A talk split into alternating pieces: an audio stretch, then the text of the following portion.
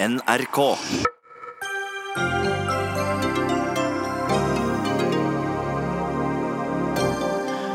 Trygdeskandalen opp i Stortinget i dag. Arbeids- og sosialministeren både redegjorde og ba om unnskyldning, men tok hun ansvar? Ministeren møter opposisjonen og en som måtte i fengsel. Ut med juleribba og inn med soya. 500 ansatte ved Universitetet i Bergen møtes rundt et kjøttfritt julebord i år. Politisk korrekthet i klimadrakt, mener Bård Hoksrud fra Frp. Og Høyre vil gi optikerne flere medisinske oppgaver. Ikke la dem drive med noe de ikke har greie på, svarer lederen av Øyelegeforeningen.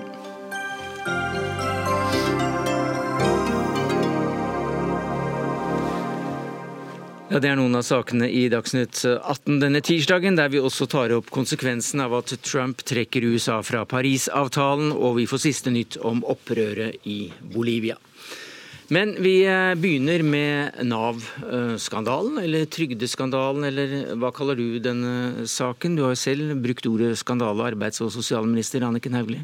Ja, jeg vil jo si at det er en skandale. Det er jo en eh, en uh, rettsanvendelsesfeil som har pågått i uh, både forvaltningen og trygderett og domstolene i mange mange år uten at det har blitt uh, avdekket. mennesker er jo uskyldig dømt og fått tilbakebetalingskrav som de ikke skulle ha hatt. Så det er jo alle grunner til å kalle dette en skandale, som vi nå må komme til bunns i og ryddet opp i og få ivaretatt de som er berørt. Uansett hva vi kaller det, så, så redegjorde du for denne saken i Stortinget i dag, der du sa unnskyld til alle de rammede. Men hva kunne du selv ha gjort annerledes i denne saken? Ja, Det spørsmålet har jeg stilt meg selv eh, også. Eh, det er klart at Om nå skal ha en ekstern og uavhengig granskning, så er det naturlig at man setter flomlyset på i alle kriker og kroker, inkludert i mitt eh, eget departement. og Det er jo det jeg har også ansvaret for. Jeg håper at vi kan finne noen gode svar på hvordan dette kunne skje i utgangspunktet, eh, og hvordan denne tolkningsfeilen som da antageligvis oppsto i Nav i 2012, har, eh, har, gått gjennom systemene våre, holdt jeg på å si, i alle disse årene. Så jeg vil iallfall bidra i granskningen. Slik du ser det nå, du, er det grunn for selvkritikk? Ja, altså, på egne vegne, altså på statsrådens vegne? ja, altså jeg, tror, jeg, jeg, vil ikke frikjenne noen. Jeg. jeg tror vi alle skal være veldig åpne for at det kan ha vært eh, begått eh, feil, også, også i, i, mitt departement og av meg. Eh, første gang vi ble kontaktet om, om praksis, det var jo i i eh, vinter. Da tok Nav opp spørsmålet om hvordan man skulle tolke forordningen når det gjaldt med kortvarig opphold, det som vi oppfatta som mer sånn ferieopphold. Og og vi også departementet som sa at, eh, at, direktoratet måtte tolke det annerledes. Og klart at I ettertid så har, man, har jeg selvfølgelig stilt spørsmålet burde vi da ha skjønt at dette også handlet om noe mer enn det som var satt på dagsordenen. Det gjorde vi ikke, men det må vi også selvfølgelig se på når granskingen kommer. For det vi i dag har snakket om, eller som har blitt på mange måter måter den store skandalen, nemlig eh, feil i både trygderett og domstolene. Det var en problemstilling som kom først eh, i høst. Ja, Den kom altså i august, da ble dere kjent med det. og Da tok det allikevel to-tre uker før dere kontaktet politiet og, og mente at det, dette kunne være alvorlig og ganske omfattende. Altså 2.9 så ba, så ba Nav om et uh, møte, fordi de da hadde sett at uh, i sin interne prosess at uh, at dette var mer alvorlig enn det de først hadde trodd, og, og det de hadde informert departementet om. Så var det første møtet mellom departement og direktorat var da fredag 13. Da ble det bestemt at Nav skulle ta kontakt med politidistriktene, og det ble gjort da 18. Eh, og 19. september. Hva syns du om den responstiden? Nei, Man kan alltid stille spørsmål om man burde sendt ut de brevene eh, allerede fredag ettermiddag eller mandag morgen. Det får vi også se på granskningen. Men, men det som var, som var, viktig for oss den fredagen, var at man fikk stoppet eh, sakene. Men det var fortsatt da uavklart rettstilstand, og det var det man også ga politidistriktene beskjed om at eh, man ba om at man satte saken i bero, fordi man fortsatt ikke var sikker på om det var rett til lovanmeldelse mm. eller ikke. Nei, for Spørsmålet er om du ikke kunne ha dratt i nødbremsen tidligere? Ja, Det kan godt tenkes at eh, man kunne gjort det. Eh, jeg mener at vi, ut fra hva vi visste iverksatte de riktige tingene. Men det er klart at etterpå etterpåklokskapens lys så må vi alle være åpne for at man kanskje mm. kunne ha gjort det litt annerledes. Ja, for jeg ser her at eh, VG skriver i etterkant av din redegjørelse at du ga en troverdig beklagelse, eh, men at det er ganske mye lettere da å beklage eh, noe du mener andre har gjort feil. Nei, Det har absolutt ikke vært min eh, mening. Tvert imot har jeg vært tydelig i dag på at, eh, at, vi må se hvordan det kan ha seg at man ikke har kommet til bunns i dette. At denne feilen kunne pågått så lenge uten at noen har oppdaget det, inkludert i, i eget hus. Og jeg har også sagt at det er naturlig at granskingen også ser på Eh, departementets eh, rolle også det siste året. Så jeg mener at det er viktig at vi alle nå er helt åpne for eh, hva som har skjedd, og at man alle bidrar til at man faktisk kommer til bunns i denne saken. Rigmor Aasrud, du sitter i arbeids- og sosialkomiteen for Arbeiderpartiet. Dere krever at Stortinget også må trekkes inn i det som nå skal skje av granskninger. Hva mener du med det?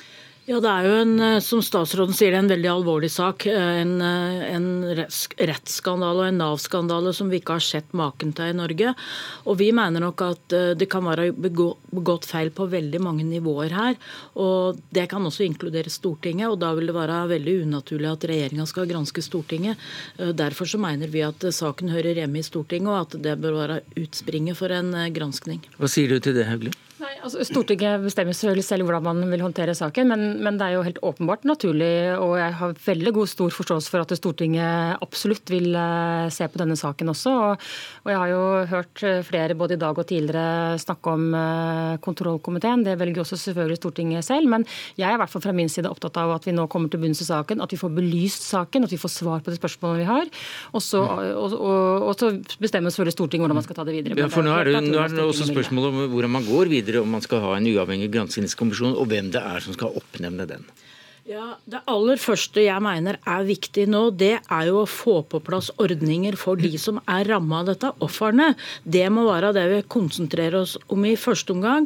Og så må vi finne ut hvordan vi skal granske dette, her, eh, hvem det er og hvordan det skal oppnevnes. Det har Stortinget muligheter til å gjøre, og det håper jeg man finner en god ordning på. For vi kan ikke si at dette bare er en sak der departementet skal granske seg sjøl og underliggende etater, for det er for mange uh, løse tråder. Vi veit ikke helt hvor ting ting er oppstått hen. og vi vet vi ser jo at det er andre som også har vært involvert i denne saken. Så Derfor så tror vi at eh, det vil være naturlig at vi tar det fra Stortinget. Og da er jo kontrollkomiteen det som er den mm. mest naturlige. Rigmor Aasrud, hva er det du savnet i eh, statsrådens redegjørelse i dag? Jeg savner eh, en større forståelse fra det som skjedde mellom 17 og 19. Det er to år og to måneder siden første gangen Trygderetten eh, tok tak i denne saken. der sånn, og Der mener jeg statsråden ikke gir et godt nok bilde av hvilke aktiviteter som er utført i departementet. og Der er det nok der vi kommer til å ligge når vi skal stille flere spørsmål. Vi synes Det er, det henger ikke sammen at man bruker så lang tid på å varsle oppover i systemet på en så alvorlig sak. Departementet ble ikke varsla på det tidspunktet. Eh, departementet ble først eh, varslet om at det var usikkerhet om, om eh, forordningen. Det var i, i 20.12.2018. Så, så det er ikke riktig at man har sittet så lenge. Men til det med granskning vil jeg også bare si at det er helt åpenbart at denne granskingen må være uavhengig, mm. nettopp fordi at også departementet vil måtte ses på.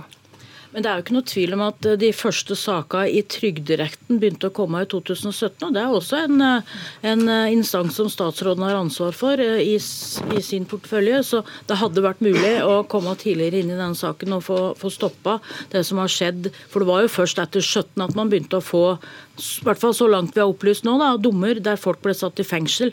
Og, og, og det er jo det som er det virkelig alvorlige. Erlend Wiborg, du er leder for arbeids- og sosialkomiteen og er fra Frp, og mener at Nav-ledelsen uh, må kjenne sin uh, tid her og, og, gå av. Hvorfor det? Nei, jeg mener uh, de må, hvert fall, Man må vurdere om det er riktig Nav-ledelse vi har til det oppryddingsarbeidet som de også skal i gang med nå. For det som jeg reagerer spesielt på, det var at etter man så omfanget av skandalen, så eh, var Nav utgangspunktet relativt eh, skeptiske til å grave frem eh, tilbake i tid, finne ut hvem dette gjaldt, mente det ville være veldig tidkrevende osv. Da mener jeg de ikke har forstått alvoret i saken. Nå i ettertid har de gjort det, men på det tidspunktet, og det mener jeg sier mye. Og da, Det er derfor jeg da stiller spørsmål ved om vi har riktig Nav-ledelse til å være med å rydde opp i denne særdeles alvorlige skandalen, der hele det offentlige Norge har feilet på mange områder. Men som stortingsrepresentant så forholder jo du deg til statsråden. Stortinget kjenner kun statsråden, heter det et eller annet sted. Det er helt korrekt. Ja, så hvorfor i all verden skal Nav, du bry deg om hva Nav-sjefen gjør, og hvorfor går du ikke på statsråden? Nei, selvfølgelig Som stortingsrepresentant så er det lov til å ha meninger om Nav er riktig sammensatt eller ikke. Men det er statsråden som har det endelige ordet når det gjelder hvem som skal være Nav-direktør. Men her har Fremskrittspartiet og jeg nå vært tydelige på vårt utgangspunkt her, og mener det er viktig å ta den diskusjonen. Men så vil vi jo få den helhetlige granskningen her. Og Det er jo den som eh, jeg er helt enig i og veldig glad for at statsråden er så tydelig på skal være en ekstern og uavhengig granskning.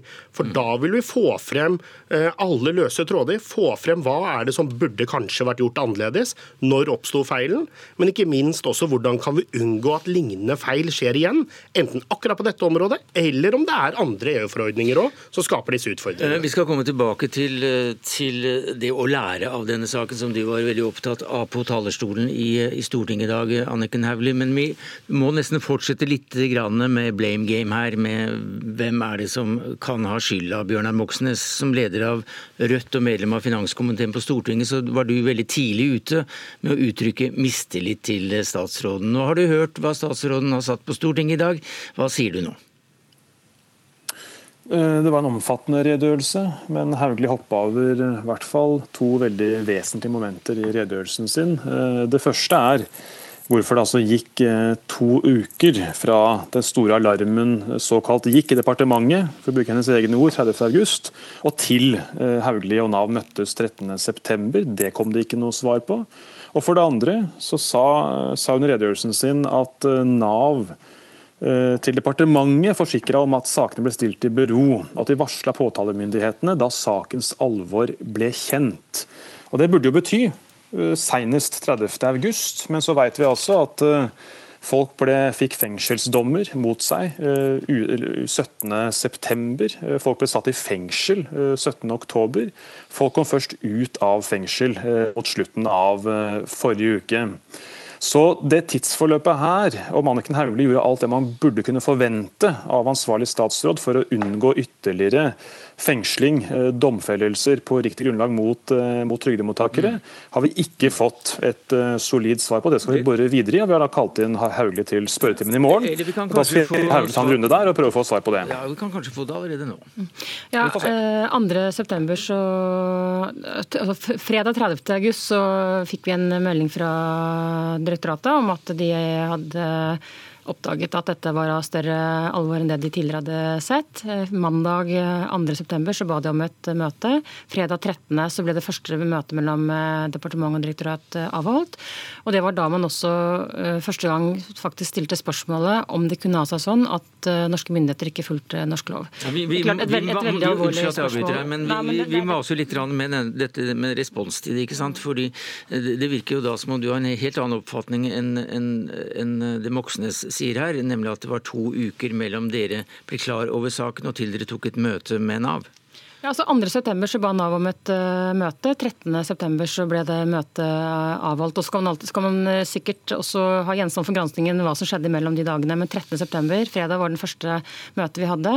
Uh, onsdag 18. og 19. ble brevene sendt ut eh, til politidistriktene for å stoppe sakene, fordi man da var usikker på rettstilstanden. Vi må huske på at det spørsmålet, vi stilte, det, det spørsmålet vi stilte oss da, det var kan det ha seg slik at norske myndigheter ikke følger norsk lov. Det sier seg selv at det var et ganske omfattende spørsmål å stille, og vi skjønte jo at hvis svaret på det spørsmålet var ja, så hadde det veldig mm. veldig alvorlige konsekvenser. Og vi hadde også behov for å ta en juridisk vurdering. Men man kan alltid stille spørsmål om man skulle krympet, eller om man skulle tatt det enda noen dager tidligere. Men det var 13. som var uh, møtet. 18. ble brevene sendt. Ja, altså Hauglie har jo selv sagt til eh, mediene og Stortinget at den store alarmen gikk i departementet 30.8. Så går det altså to uker før dette møtet finner sted.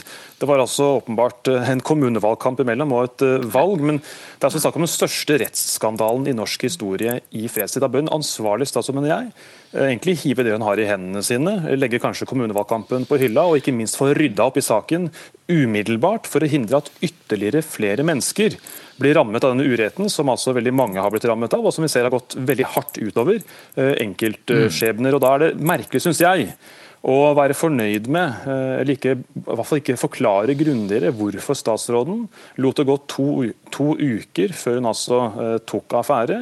Og ikke minst hvorfor ikke man fikk stansa umiddelbart det som var av pågående eh, påtale- og rettssaker mot uskyldige mennesker. Ikke minst få folk ut av fengsel som satt mm. fengslet på feilaktig grunnlag. Det har vi ikke fått svar på. Det er også grunnlaget for at vi vurderer fortsatt dette med mistillit til statsråden. Mm.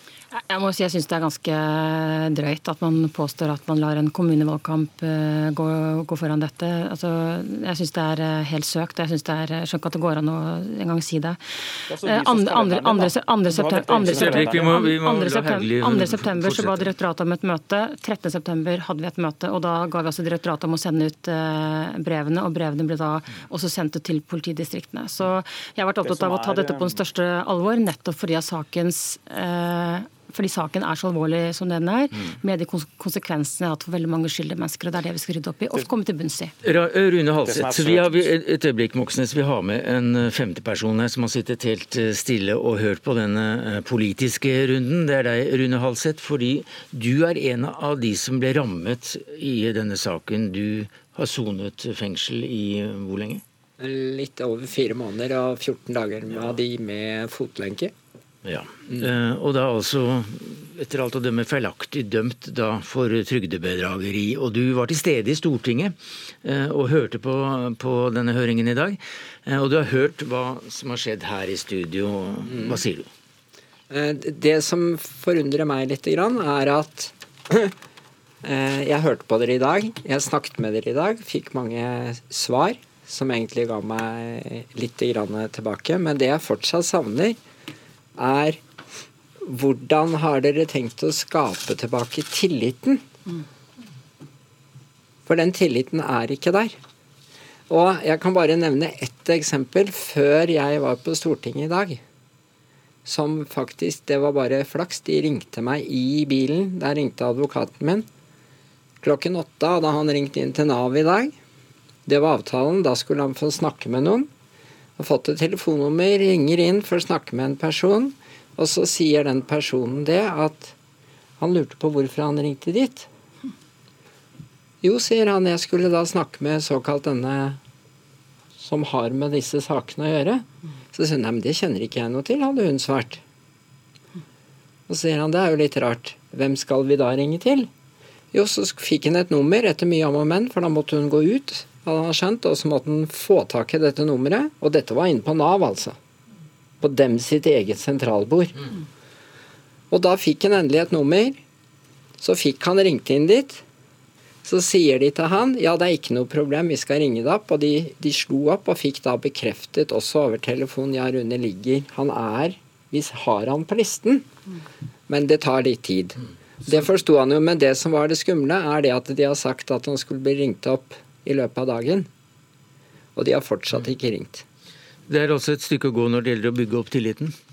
Ja, men jeg tror det er et, eh, et eh, veldig viktig poeng som, eh, som, du tar opp. fordi det vi nå har nettopp fått sett i sin fulle bredde, er jo at det har vært det har vært svikt i veldig mange ledd på flere nivåer. I både i forvaltningen, i trygderett, påtale. Altså, overalt har det vært en feiltolkning som nesten ikke er til å tro. Det er helt åpenbart at dette svekker tilliten som vi innbyggere eller innbyggerne har til systemene våre. og Derfor er jeg også opptatt av at vi nå skal for det første komme i kontakt med alle de som er rammet av dette. Der jo, men Du hører jo her, unnskyld at jeg avbryter, men eh, en, en, av de som da ble sterkt påvirket av dette her, eh, sier at ser i dag så er det jo da mang manglende oppfølging. Ja, det får jeg bare liksom ta med tilbake og sjekke om det er, om det er riktig kontaktinformasjon som, som gis ut. Men, men, men, derfor er jeg så viktig, opptatt av at vi, nå skal, at vi nå skal øh, finne alle de som er berørt, men også komme raskt i gang med granskinger, slik at vi får svar på de spørsmålene vi har. For det er riktig som Stortinget sa i dag, at jeg hadde ikke alle svarene i dag, men, men det mm. har det ikke vært mulig å komme til bunns i ennå. Det trenger vi en grundigere gransking mm, til å finne svar på. Så er det en ting til som vi også fant ut i dag. Vi også etter høring, da fikk jeg en telefon opp igjen. Da vi sjekket dette som eh, ble bl.a. sagt at eh, alle disse kravene var stoppet. De er jo ikke det. De økonomiske kravene, tilbakebetaling etc.? Vi ringte opp og sjekket i dag, vi, på meg, hos Sismo. De blei da stoppet i dag, når advokaten tok kontakt. Og da fikk de slått opp og sett. Jo, han var jo en av de, men de hadde altså ennå ikke fått beskjed der oppe å stoppe det kravet. Og hvis ikke det var ringt opp i dag og stoppet i dag, så var det ennå trukket den tiende. Ja, altså, jeg må bare dette med bare ta meg tilbake og passe på at, eh, at, Nav nå får stoppet alle de stedene og det skal stoppes, og at kontaktinformasjon som gis er eh, korrekt. For, vi, for nå er Nav virkelig opptatt av å, å hjelpe de som er urettmessig behandla. Det er nå ca. 30 personer som sitter dedikert og jobber med å saksbehandle sakene på nytt. Så, så jeg skal liksom gjøre mitt nå. Vi kommer også til å bevilge mer penger til både Nav og Trygderetten, så de får økte ressurser til å rett og slett ta unna sakene, så vi får, får behandlet de eh, raskt. Men, men Halseth, du hørte jo da i Stortinget i dag at statsråden beklager til dere alle. Mm. Eh, hvordan følte du det? I og med at jeg var der i dag, så følte jeg det kanskje at det var mer oppriktig på en måte enn det man har opplevd på bl.a. fjernsyn og når man har sett det. Og den, eh, men den vi fortsatt, som jeg vet mange mennesker sier, som de overhodet ikke har oppfattet som noen beklagelse, det er som du var inne på i stad. Nav-direktøren. Mm. Men uh, hun er her heller ikke? Nei, hun men, er her eh, ikke, så det er ikke riktig. Nei. Men jeg, jeg, tok den til meg, og jeg takket deg òg. Det husker du? Det gjorde jeg faktisk. At du hadde sagt skikkelig unnskyld. Hva er det du forventer at uh, den norske stat ved da statsråden gjør nå? For det første, som jeg også Det var du inne på litt. Grann, at med dette med Vi får ta disse erstatningene og sånn, det er egentlig helt ut på sidelinjen. Men det som jeg tror er viktig for disse, alle disse berørte, og inkludert meg selv, er at de pengene som de har tatt urettmessig, som de ikke skulle vært bortpå i hele tatt, de må fort som bare ha det tilbake på kontoene til de de beholder, som de tilhører egentlig. For det er mange mennesker der. altså Jeg går på trygd selv. Jeg har ikke all verdens hevn. Jeg greier meg liksom ok og har en stødig familie og sånne ting. Men det er mange, mange der ute som sliter noe voldsomt. Og når de blir trukket disse 500-1000 kronene i måneden, hvis de da kan få tilbake de pengene kjapt, så tror jeg man kunne løst mye for de menneskene. Ja, som jeg har sagt, vi, vi, jobber nå iherdig for å saksbehandle alle sakene på nytt. Det er klart Noen saker kan jo kanskje ta lengre tid enn andre saker. Det er litt avhengig av hva som sakene handler om også. Men jeg håper virkelig dypt inderlig at vi nå klarer å saksbehandle sakene de raskt, at vi får gjort opp for oss raskt, og at vi får komme til bunns i dette. Jeg tror igjen, når vi snakket om det med tillit i stad, jeg tror det er avgjørende for tilliten til systemene, til politikerne, til oss alle, at vi faktisk klarer å rydde opp i denne saken. Og jeg skal i hvert fall gjøre alt det jeg kan for å rydde opp i alt det som jeg har eh, ansvaret for. Takk skal du ha, Anniken Hauglie, arbeids- og sosialminister. Rigmor Aasrud i arbeids- og sosialkomiteen, Erle Wiborg, arbeids- og sosialkomiteen for Frp, og Rune Halseth, en av de domfelte i denne trygdeskandalen. Så langt eh, politikerne og en som har følt dette på kroppen ved å, å, da, å, å ha en uh, dom. Eh, nå over til de politiske kommentatorene. Tone Sofie Aglen, du er politisk kommentator i, i VG. Har du fått ferten av statsrådsblod etter denne dagen? Jeg syns vel ikke at uh, det var det som først og fremst uh, prega dagen i Stortinget. Uh, jeg tror statsrådens ettermæle etter i dag tror jeg vil være todelt. Jeg tror hun opptredde riktig i den forstand at hun ga en troverdig unnskyldning. Hun har gjort det hun kan for at eh, de som er urettferdig straffa og måtte betale, skal få sakene sine behandla, og ikke minst vært tydelig på at alle steiner skal snus. Utfordringa til ministeren er jo sakens realiteter og de svarene hun gir, og ikke minst de svarene hun ikke gir, som jeg tror mange opplever ikke er tilfredsstillende. Magnus Takvam, politisk kommentator i eh, NRK. Hvordan ser det ut denne dagen og denne redegjørelsen hun, hun hadde for Stortinget? Nei, eh, Hun ga en ryddig redegjørelse og holdt jo da fast på den tidslinjen for så vidt som hun har presentert eh, i løpet av den siste uken. Ingen store endringer i, i den. Eh, og så kom hun jo da med de tiltakene regjeringen eh, som vi hørte varslet her, om, om rettshjelp til, til ofrene, juridisk hjelp osv. Eh, men jeg er enig i at eh, det er svært mange spørsmål som, som eh, hun ikke besvarte. Og kanskje særlig det som da endte med den mest alvorlige konklusjonen i september-oktober nå i høst. Hvorfor ble det skilt, slik dere diskuterte det litt, mellom midlertidige og langvarige opphold i utlandet. Det sa hun bare at etter noen måneder eh, fra i vinter til i høst, så hadde Nav på egen hånd kommet fram til det, men det ble ikke gitt en forklaring på hvorfor man hadde dette eh, litt uforståelige skillet. Og da blir jo selvfølgelig spørsmålet om ikke departementet selv kunne gått eh, mer aktivt inn i det. og tatt en mer eh, aktiv rolle enn bare å avvente Navs utredning. Så Den typen spørsmål føler jeg eh, en gransking og videre arbeid i komiteen må, bringe fram. Ja, jeg er enig i det. og for det er jo ganske mange ubesvarte spørsmål, og jeg tror kanskje ikke det er det som Moxnes var opptatt av med de her ukene nå i høst, men hvorfor det har tatt to år fra Trygderetten begynte å sende tilbake dommer. Hva har skjedd i mellomtida? Og Så blir saken eh, veldig komplisert. At det er eh, så mange lag, det er så mange ulike instanser som har svikta over så lang tid. Og så må vi heller ikke glemme at eh, vi snakker om det her som Nav-skandalen, og det er arbeidsministeren som må svare, men det er jo også en betydelig utfordring at det her også er en, en stor rettssikkerhetsskandale, hvor også domstolene sin rolle er er noe som eh, kanskje er vel så oppsiktsvekkende som eh, Nav sier.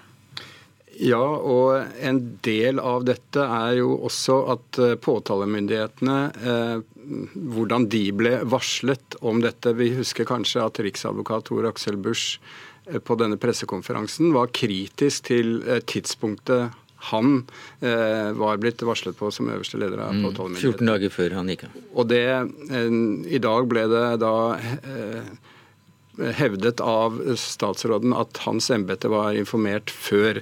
Men uansett så gikk jo dette rundskrivet til politidistriktene eh, jeg tror det var 18.-19.9 lenge før Riksadvokaten også ble varslet. Så det, også den typen Uh, uklarhet vil, vil, man forlange bedre svar på, føler jeg, enn en det vi fikk i dag. For Hvilket ansvar har statsråden i en slik sak til syvende og sist? Vil du frikjenne henne totalt her? Nei, Det er helt åpenbart at uh, statsråden sitter med det øverste ansvaret.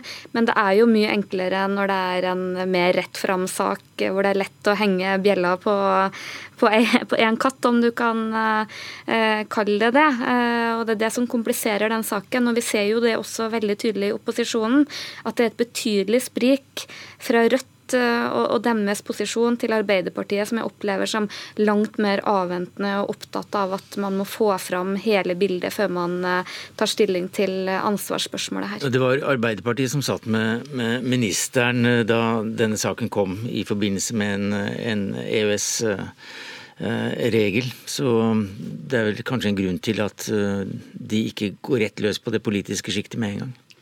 Ja, det, det, er klart at Arbeiderpartiet har, også, som de selv har markert også, øh, åpen for å ta medansvar dersom øh, det viser seg at de burde gjort en bedre jobb. Noe, noe, noen burde ha gjort på det tidspunktet da man feiltolket dette. Men en, en del av redegjørelsen i dag øh, eksponerte jo på en måte at det har, har, vært og er kanskje et nærmest kaotisk eh, system for hvordan man skal eh, implementere disse EØS-forordningene i norsk lov. og Statsråden foreslår til og med at det skal komme et, en ny slags eh, enhet for å kontrollere at, at, dette ble eh, bedre gjort i framtida. Sånn at her er det veldig mye opprydningsarbeid å gjøre, også, også i forvaltningen, tror jeg. Takk skal du ha, Magnus Takvang, politisk kommentator i eh, NRK. Tone Sofie Aglen, politisk kommentator i VG. Dagsnytt 18 alle hverdager klokka 18.00 på NRK P2 og NRK2. Julebord i eh, kjøttskamtider, ja det er neste tema. I alle fall så skal 500 ansatte ved Universitetet i Bergen benke seg rundt julebordet, fritt for eh, både fåreribbe og svineribbe, medisterkaker og julepølse. Synnøve Myhre, du er avdelingsdirektør for Fakultet eh, for kunst, musikk og design ved Universitetet i Bergen, og i år så har du da ansvaret for dette julebordet. Hvorfor valgte dere kjøttfritt julebord? Ja, eh, det var flere grunner til det. Først vil jeg jo si at det, å få sagt at det var ikke julebordskomiteens eh, tanke at vi skal ta fra noen eh, juleribben eller pinnekjøttet på noe som helst måte. Nei, Men dere skal i hvert fall ikke ha det på julebordet i år? Vi skal ikke Nei. ha det på julebordet i år. Hvorfor ikke? Hvorfor ikke? Fordi at dette er en komité som går på rundgang, og vi ønsket å endre alt i år. Ja, Så hvorfor det? Fordi at vi tenker at eh, vi er i en sektor som er i en stor endring. Vi har et universitet som tar eh, klima på alvor. Og skal man få til endring, så krever det en liten egeninnsats. Eh, og da kom vi med forslaget i, i det konseptet at vi endret hele julebordtradisjonen ved Universitetet i Bergen i år. At vi ville ha det kjøttfritt, men vi skal ha fisk, og vi skal ha vegetar vegetarretter. Mm. Bård Hoksrud, du er stortingsrepresentant for Frp. Hva syns du om dette? Jeg syns det er et utrolig dårlig forslag. og jeg synes liksom Dette blir sånn politisk korrekthet eh, på noe av sitt verste, syns jeg. Dette er altså En gang i året så har man altså et julebord, og da bør man få lov å spise både ribbe og pinnekjøtt og godt kjøtt. og, det er jo litt sånn artig, da, fordi alt annet skal man få lov til å spise. Bare de som er glad i, i kjøtt og mener at det er en del av tradisjon til jule, eh, jule, julematen, de skal altså ikke få lov til å gjøre det på universitetet. Jeg synes syns dette er et håpløst forslag. Jeg syns det er trist da, at liksom de som ønsker å kunne spise norsk, eh, norsk eh, tradisjonell julemat, ikke skal få lov til det. Myre. Eh, vi har mange studenter som er veldig opptatt av dette, og da må vi òg som en ansvarlig arbeidsgiver òg ta inn over oss at studentene er opptatt av klimaendringer og dette med rødt kjøtt.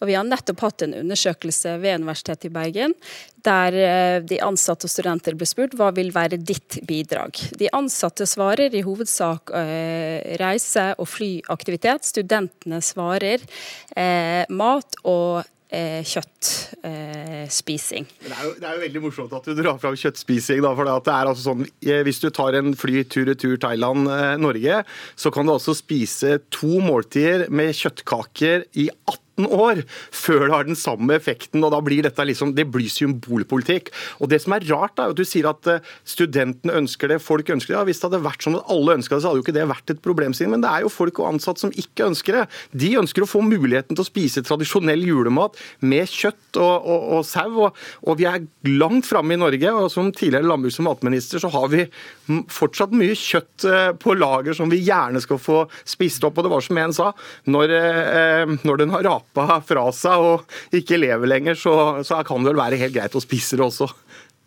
Myhre? Eh, ja, eh, men nå handlet dette om at vi ønsket å lage et eh, annerledes julebord for våre ansatte. Og jeg er ganske sikker på at de fleste ved Universitetet i Bergen de får òg tradisjonell julemat, også i andre sammenhenger før jul. Og så er det noe med å kunne glede seg ekstra til den julemiddagen. Trenger ikke å ha spist pinnekjøtt tre ganger før jul, men verdsetter veldig den julematen vi skal ha på julehøytiden. Jo, men det, altså, Jeg har ingen problem med det, men det som er litt, er litt synd, er at du har en sånn holdning om at de som vil ha denne muligheten, de skal ikke få den. Men alt det andre skal man ha. Du sier at man også påpeker at man skal kunne få fisk, og man skal kunne få andre typer ting. og Jeg har ingen problem. Jeg synes det er kjempebra hvis folk vil spise noe annet, men jeg syns at de som har lyst til å ha tradisjonell julemat som ribbe og pølse og, eh, og pinnekjøtt, de bør også få det. Så kan, dette kan jo ikke være noe stort problem. Og hvis de aller fleste ikke vil det, så er jo ikke det noe stort problem, men da bør i hvert fall de som ønsker å ha det på denne julemiddagen, får den muligheten. Ja, for dette dreier seg ikke bare om et enkelt julemåltid i, i Bergen. Jeg ser at en, en rådgiver eh, i Frp eh, nevner eh, debatten i Sverige, der man også snakker om et slags eh, svenskt kjøttmonopol à la Vinmonopolet. Ja, det er jo helt utrolig hva man nå i, i, i liksom klimaånden eh, skal nå da eh, prakke på. Og, og kjøttmonopol høres jo helt vanvittig. Det er liksom tilbake til tider som vi ikke ønsker, og, og, i hvert fall ikke ønsker tilbake til. Så jeg håper jo ikke at det blir noen realiteter. Men når svenskene har kommet med, så kan det helt sikkert fort hende at det er en, en klima... Eh, Eh, som er veldig opptatt av klima i Norge, og som syns at det er en god idé. Jeg syns i hvert fall det er en dårlig idé. Jeg syns ikke monopoler er så veldig bra. Eh, mange vil si kanskje at Vinmonopolet fungerer veldig bra, men det er noe helt annet. Vi ønsker ikke innføre noe kjøttmonopol i Norge, i hvert fall. Det vil være utrolig dårlig. Det er, dette handler om landbruket, det handler om mat. og kanskje Eller tenk på kortreist eh, mat og få kortreist kjøtt. og Det er fullt mulig på Vestlandet også, med all den fantastiske pinnekjøtten som er der. Ja, Hva er det du serverer istedenfor julepølsa? Serverer du sjøpølse? Ja, det kan godt være det blir. Vi holder på med leverandører og undersøker hva de kan eh, tilby oss. og Jeg er veldig sikker på at vi får god mat. Og jeg vil herved invitere Bård Hoksrud eh, til dette julebordet, ja. sånn at han får prøvd et alternativ julebord. Jeg tror ikke han ville bli så skuffet, så han er hjertelig velkommen til eh, Universitetet i Bergen på julebord 13.12. Men da bør han vel ikke fly, da bør han vel ta toget? Ja, Det skal ikke jeg mene så mye om. Det holder, det holder med den reklamen vi har fått for dette julebordet. Altså, vi tror det blir kø for å komme på vårt mm. julebord. Takk skal du ha, Synnøve Myhre, julebordarrangør og avdelingsdirektør ved Fakultetet for kunst, musikk og design ved Universitetet i Bergen. Og til deg, Bård Hoksrud, stortingsrepresentant for Frp og tidligere matminister.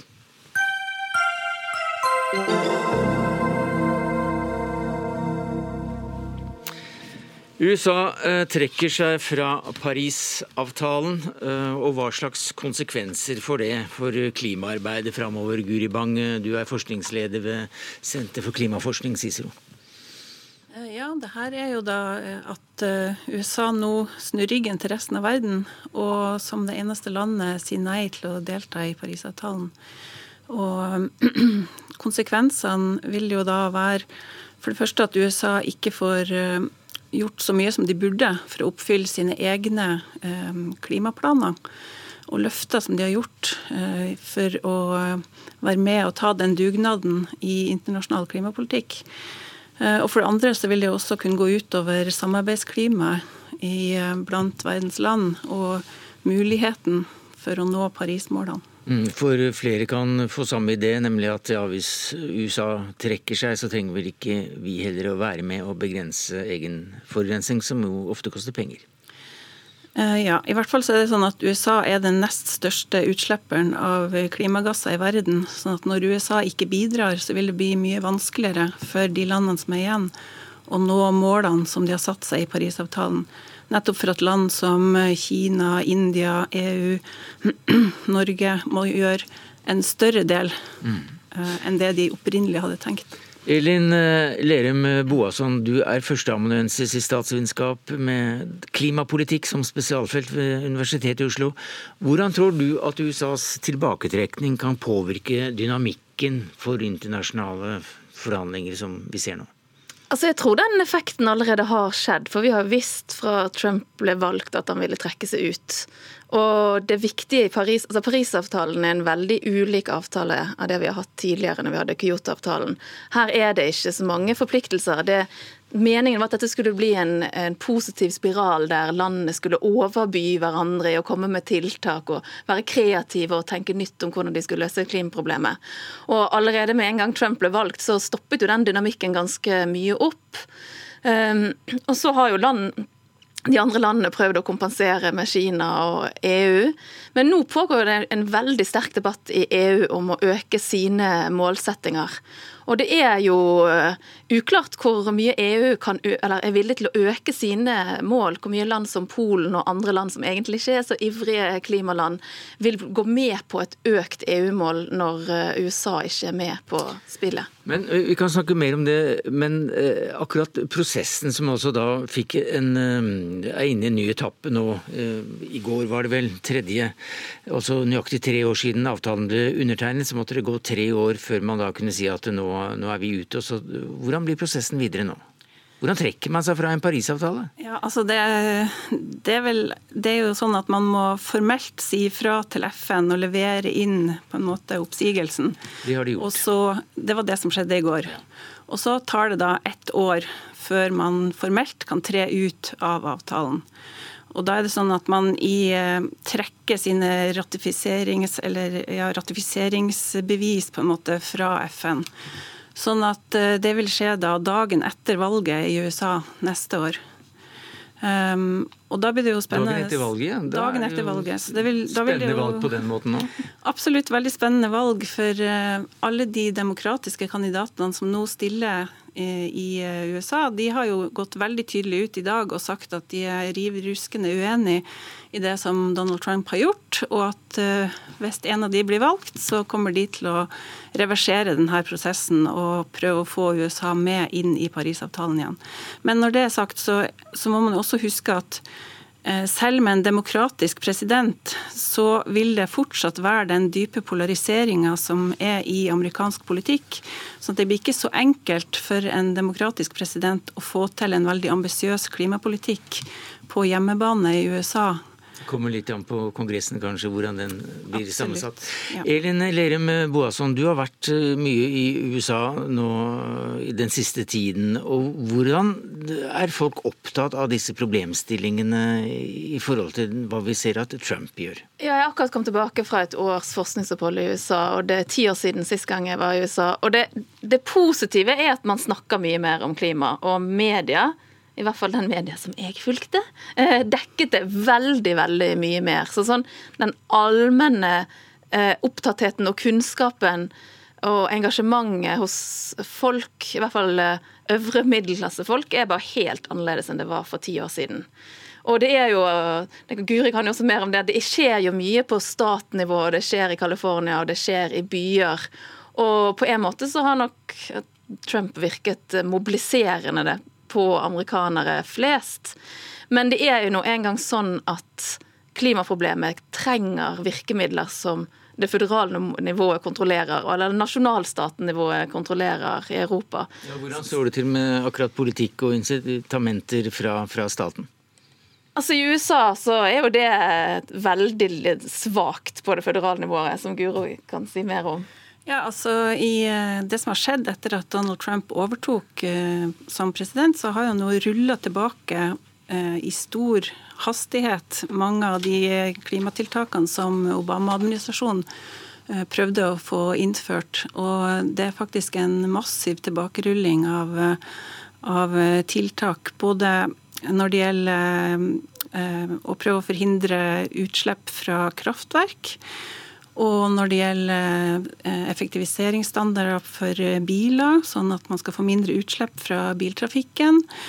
Og eh, også når det gjelder eh, utslipp fra oljeproduksjon og gassproduksjon i USA. De har jo en enorm frackingindustri. Å få kontroll på metanutslippene fra den vil være veldig viktig framover. Men der har også Trump-administrasjonen fjerna det aller meste av reguleringer som eh, Obama prøvde å innføre. Men som da Boasson nevnte, så var dette varslet eh, allerede i, tre år, ikke sant? så det kom ikke som noen stor bombe. Men uh, mange har jo da vært opptatt av hva Kina vil gjøre, om de også ville tenke seg å, å gå inn og moderere sine, sine, løfter eventuelt. Men samtidig nå da, så undertegner Frankrikes statsminister Macron en klimaavtale i Beijing, der de sammen sier at Parisavtalen er irreversibel. Eh, hva sier det om Kinas eh, mulighet for å etablere et eh, overtak her? Ja, altså Kina var jo også sentral i å få Parisavtalen vedtatt, og da i samarbeid med USA under Obama-administrasjonen. De to landene hadde et diplomati et helt år i forveien av Parisavtalen som var helt avgjørende for at man skulle få til vedtaket i 2015. Og Kina har stått på at de er innstilt på å oppfylle sine løfter i Paris. Sånn at det er ikke unaturlig at de nå vil gå videre og inngå en sånn avtale med, med Frankrike. Å være en motor i, i dette internasjonale arbeidet. altså Vi snakker om verdens største forurenser. Det er ikke sikkert at de kommer til å ta en lederrolle. Det er litt usikkert. Men i hvert fall så er det interessant at de tar det samarbeidet med, med Frankrike. Da. Vi skal uh, sikkert snakke om Spania etter hvert uh, som uh, måneden går her. For i desember skjer det noe der. Det var et toppmøte eller klimamøte i, i Chile som er blitt kansellert, og, og, Spania har overtatt. og det, det har gjort at en ung svensk jente har det travelt med å komme over Atlanterhavet igjen tilbake til, til Europa, så jeg i avisen i dag. Men kort, hva, hva, vil skje der? Hva slags møte er det i Spania i desember? Eh, altså Nå ruller jo og går eh, Parisavtalen, og landene skal trappe opp innsatsen sin. Og Vi vet jo at eh, EU har veldig mange diskusjoner internt, og de blir sikkert ikke noe mindre av at toppmøtet skal være i Europa. Uh, og det er et veldig stort press fra det nye Europaparlamentet og fra den nye kommisjonen om å øke de målene. Uh, og det vil jo ha, Den norske regjeringen har lagt seg på en linje at vi følger EU. Uh, tidligere så hadde jo Norge en sterkere egen stemme på de internasjonale forhandlingene, mens nå legger man seg jo bak og følger EU. Så det er i hvert fall ikke noe mindre grunn for norske politikere til å følge med på EU sin diskusjon om hvor de går i Spania i desember.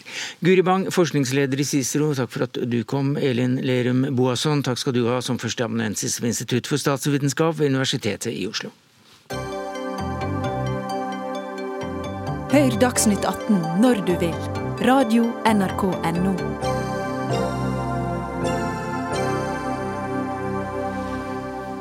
Opptøyer og sammenstøt har preget Bolivia etter at Evo Morales utpekte seg selv som vinner av valget for snart to uker siden.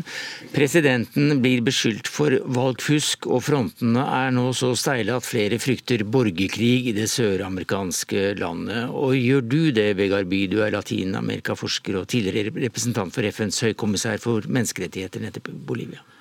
Ja, jeg syns det er veldig skremmende. Nå har du først hatt en stor konflikt mellom Evo Morales og den viktigste opposisjonskandidaten, Carlos Mesa. Og så har opposisjonen begynt å slå seg imellom. Og ikke minst det at eh, de mest eh, høyreorienterte gruppene i Santa Cruz, eh, som er på en måte Bolivias økonomiske hovedstad, begynner å røre på seg, det minner meg veldig mye om det vi opplevde i 2008. Da var vi veldig nær borgerkrig. For da var du der og var med å mekle for FN? Ja. Eh, bråket denne gang startet altså, ble utløst av at eh, presidenten Evo Morales utpekte seg selv som valgets vinner 25.10. Var det valgfusk? Ja, det har ikke jeg mulighet til å kontrollere, men eh, i hvert fall så har både EU, OAS og for så vidt biskopene sagt at eh, de har ikke tillit til det resultatet slik det framkom. Ja, for plutselig stoppet opptellingen? Det stoppa i 24 timer. På det tidspunktet så lå ikke Evo Morales an til å få nødvendig flertall. og så plutselig? Så plutselig fikk han dem. Så kan du si at da var det mange stemmer fra landsbygda som kom inn, og der har han større oppslutning. Så det er ikke helt umulig, men eh, det er liten tillit til resultatet. Eh, hva er det som da er de underliggende årsakene? Morales representerer jo urbefolkningen, men eh, går ikke helt i takt med dem heller. Nei, altså Han har hatt en stor og lang karriere som, eh, som president. Landets første indianske president. Dette er det eneste landet i Sør-Amerika med et indiansk flertall. Han har hatt stor oppslutning i valg etter valg. Eh, han har oppnådd mye både med økonomisk vekst, sosial fordeling, ganske store grupper som er løfta opp. Eh, men så begynner det selvfølgelig å bukke imot. Det er jo et tidspunkt hvor, hvor en politiker begynner å, mis, å, å merke pusten i nakken. Og det gjorde også han. Og så tapte han en folkeavstemning i 2016 eh, hvor konstitusjonen tilsa at han måtte gå av. Han hadde ikke flere mandater igjen. Men det aksepterer han ikke, og han sa nei, nei til resultatet og stilte opp igjen nå i 2019. Opposisjonen har sagt at de anerkjenner ikke hans rett til å stille opp igjen, men for å få gjennomført eh, fredelige valg, så stilte Carlos Mesa opp. Og han er en meget respektert mann i Bolivia. Så, eh, så dette ble jo på en måte den store skrapen i lakken til Morales. Mm.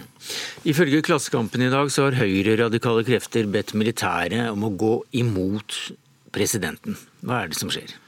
Altså, De militære i eh, Bolivia har jo en meget luguber historie. Med, hadde i hvert fall på en periode eh, søramerikansk rekord i statskupp. Det har vært eh, narkopresidenter, det har vært presidenter som har ligget nær opp til de fascistiske diktaturene i Sør-Amerika på 70-tallet. Men så har de militære i løpet av disse åra moralsatt makta, også blitt sterkt politisert.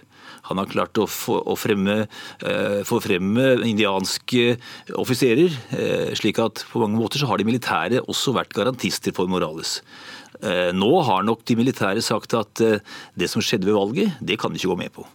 Så de har forholdt seg passive når, når motdemonstranter har, har robra gatene. Og det har åpenbart kommet et slags, et slags skisma internt enn de væpnede styrkene. Og Det er jo det som er det farlige her. Altså De kan ende opp på hver sin side i en væpnet konflikt. Så deler av det militære eller sikkerhetsapparatet kan slåss mot hverandre? Ja, Det er en stygg fare for det, og særlig fordi eh, du har en veldig sterk regional konflikt i Bolivia, som også faller sammen i stor grad med den etniske konflikten. Vi snakker om et eh, landlukket land, eh, et av verdens høyest beliggende, vel, med La Paz som verdens høyest beliggende eh, hovedstad. Men vi har naboland der også, ganske kort. Altså, vi har Chile med, med sterk sosial uro. Presidenten i, i, Peru anklages for å opptre som en diktator. I Ecuador, rett ved siden av, så var også de på randen av, av et virkelig alvorlig opprør for, for kort tid siden. Er det en sammenheng her? Ja, Det er vanskelig å se noen klare mønstre, men det jeg ser som hovedmønsteret her, er at de demokratiske institusjonene i Sør-Amerika eller i Latin-Amerika blir stadig mer truet, og at folk ser at de kanskje oppnår mer ved å demonstrere i gatene enn å finne løsninger ved valg. Og Det er det virkelig alvorlige her. Og når du vet at, at de militære og politiet har så stor oppslutning i forhold til partiene, altså folk har mer tillit til de militære faktisk i Sør-Amerika i dag enn til partiene og institusjonene, så begynner det å lukte noe som ikke er spesielt demokratisk. Takk skal du ha, Vegard By, Latin-Amerika-forsker tilknyttet Christian Michelsens institutt og tidligere representant for FNs høykommissær for menneskerettigheter i Bolivia.